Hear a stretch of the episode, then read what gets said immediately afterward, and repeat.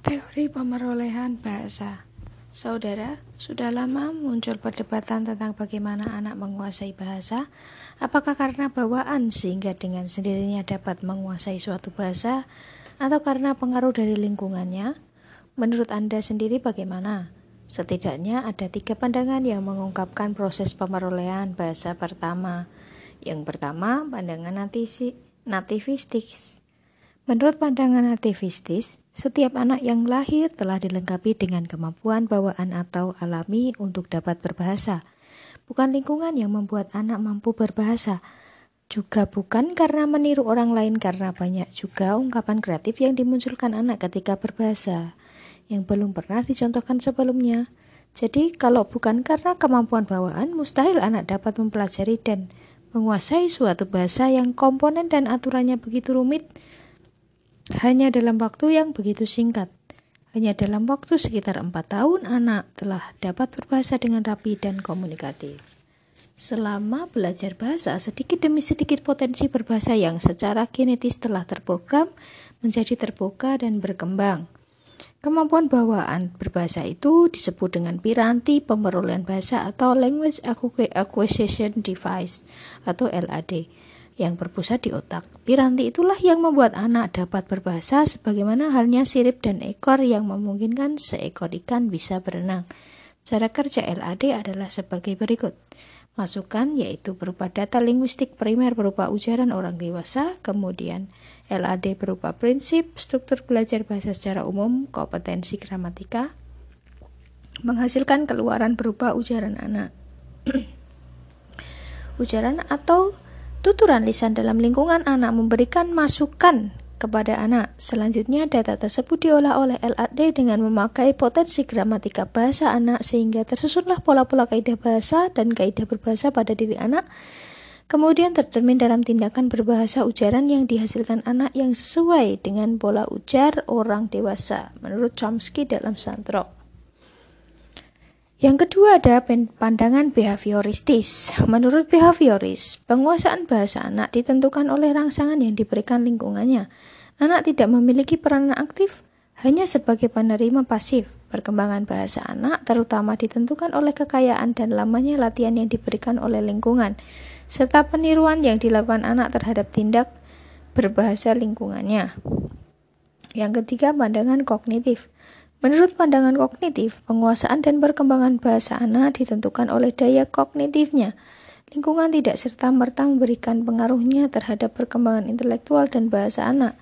Kalau si anak sendiri tidak melibatkan secara aktif dengan lingkungannya, dengan kata lain, anaklah yang berperan aktif untuk terlibat dengan lingkungannya agar penguasaan bahasanya dapat berkembang secara optimal. Bagaimana? Apakah uraian tentang ketiga pandangan pemerolehan bahasa anak tersebut dapat Anda pahami? Di antara ketiga pandangan tersebut, pandangan mana yang paling sesuai dengan pendapat Anda? Mengapa? Silahkan jawab dulu pertanyaan tersebut sebelum mempelajari lebih lanjut uraian berikutnya. C. Faktor-faktor yang mempengaruhi pemerolehan bahasa anak. Kecepatan dan kewasian perkembangan bahasa anak, bahasa satu anak dengan anak yang lainnya tidaklah sama. Ada sejumlah faktor yang mempengaruhi pemerolehan bahasa anak. Apakah faktor-faktor tersebut ada faktor biologis, lingkungan sosial, intelijensi, dan motivasi. Mari kita ulas satu persatu.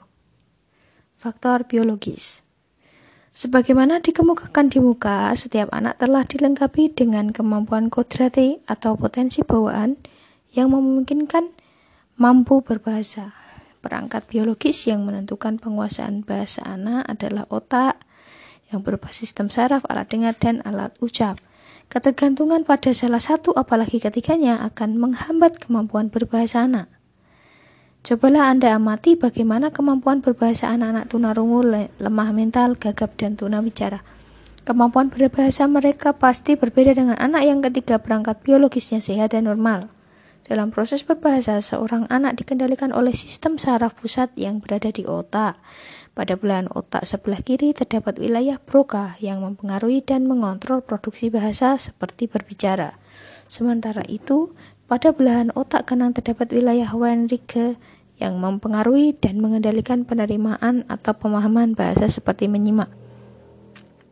Di antara kedua bagian otak tersebut terdapat wilayah motor suplementer yang berfungsi mengendalikan unsur fisik penghasil ujaran. Berdasarkan tugas ketiga bagian otak tersebut, bahasa didengarkan dan dipahami melalui wilayah Wernicke. Syarat bahasa itu kemudian disalurkan ke wilayah Broca untuk mempersiapkan produksi berbahasa sebagai tanggapan atas apa yang didengar dan dipahaminya. Selanjutnya, isyarat tanggapan bahasa itu dikirimkan ke daerah motor suplementer seperti alat ucap untuk menghasilkan bahasa secara fisik.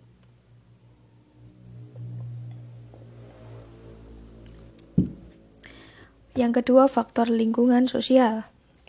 Telah dikemukakan sebelumnya bahwa setiap anak memiliki kemampuan bawaan dan kelengkapan berbahasa. Namun demikian, untuk menumbuh kembangkan kemampuan berbahasanya, seorang anak memerlukan lingkungan sosial sebagai contoh atau model berbahasa, memberikan rangsangan dan tanggapan, serta melakukan latihan dan uji coba berbahasa dalam konteks yang sesungguhnya. Lingkungan sosial di sini adalah perilaku berbahasa orang tua, saudara, kerabat, keluarga, teman, atau anggota masyarakat. Lingkungan yang kaya sumber, mendukung, dan aktif dalam berinteraksi dengan anak akan membuat pemerolehan bahasa anak semakin beraneka dan cepat. Sebaliknya, lingkungan yang miskin dengan aktivitas berbahasa terlalu banyak menekan dengan melakukan pelarangan dan menyalahkan dan rendah dalam berinteraksi akan menjadikan pemerolehan bahasa anak pun tidak beragam, miskin dan lambat.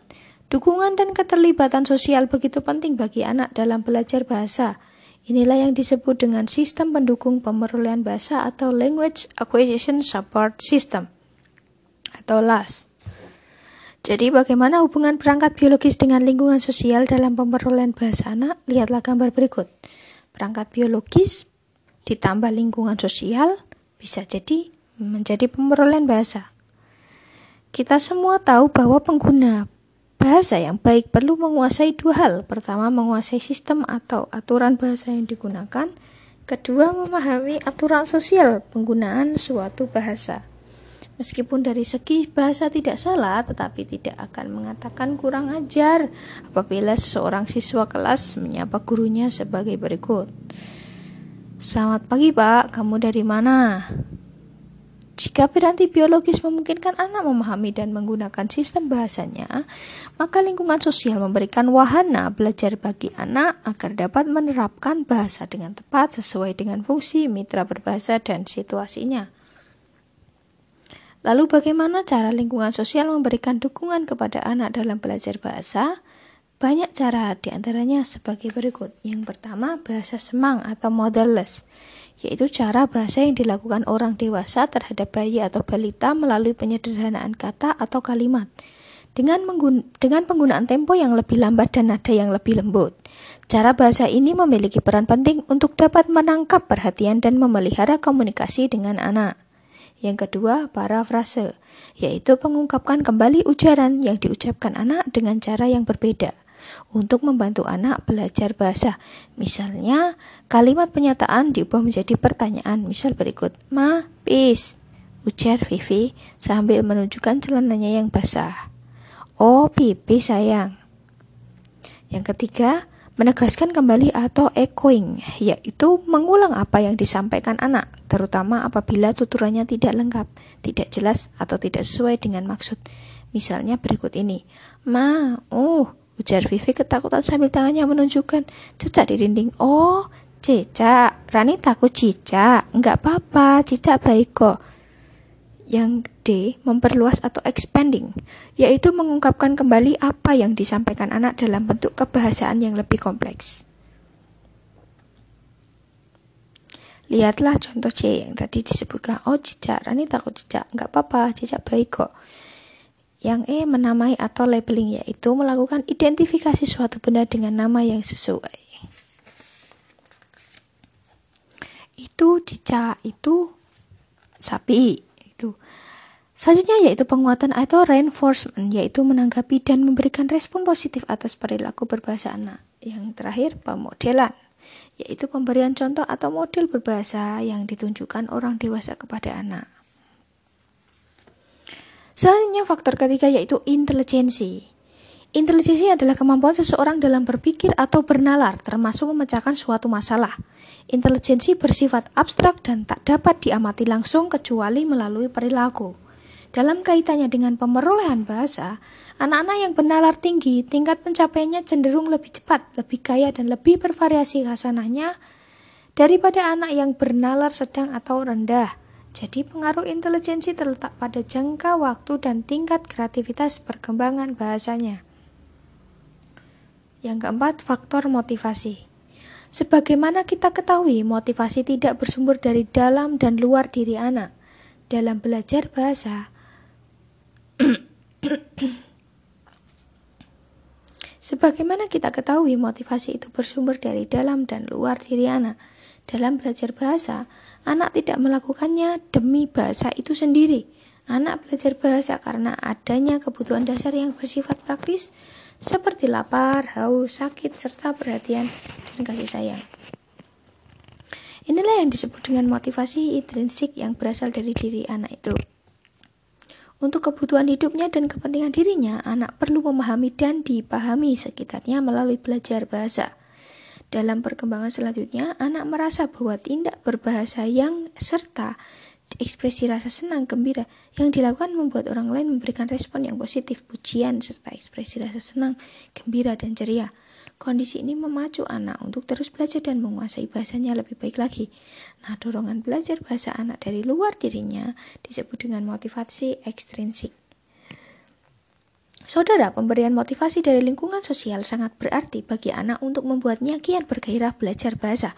Anak yang dibesarkan dengan motivasi belajar bahasa yang tinggi akan kian memicu proses belajar bahasa anak.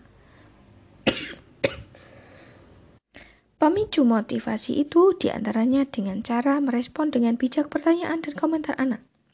Perbaiki tindak berbahasa anak secara halus dan tidak langsung, dan tidak segera menyalahkan bila anak melakukan suatu kesalahan. Lalu tindakan apa yang dapat mengundurkan dan menjatuhkan semangat anak dalam belajar bahasa?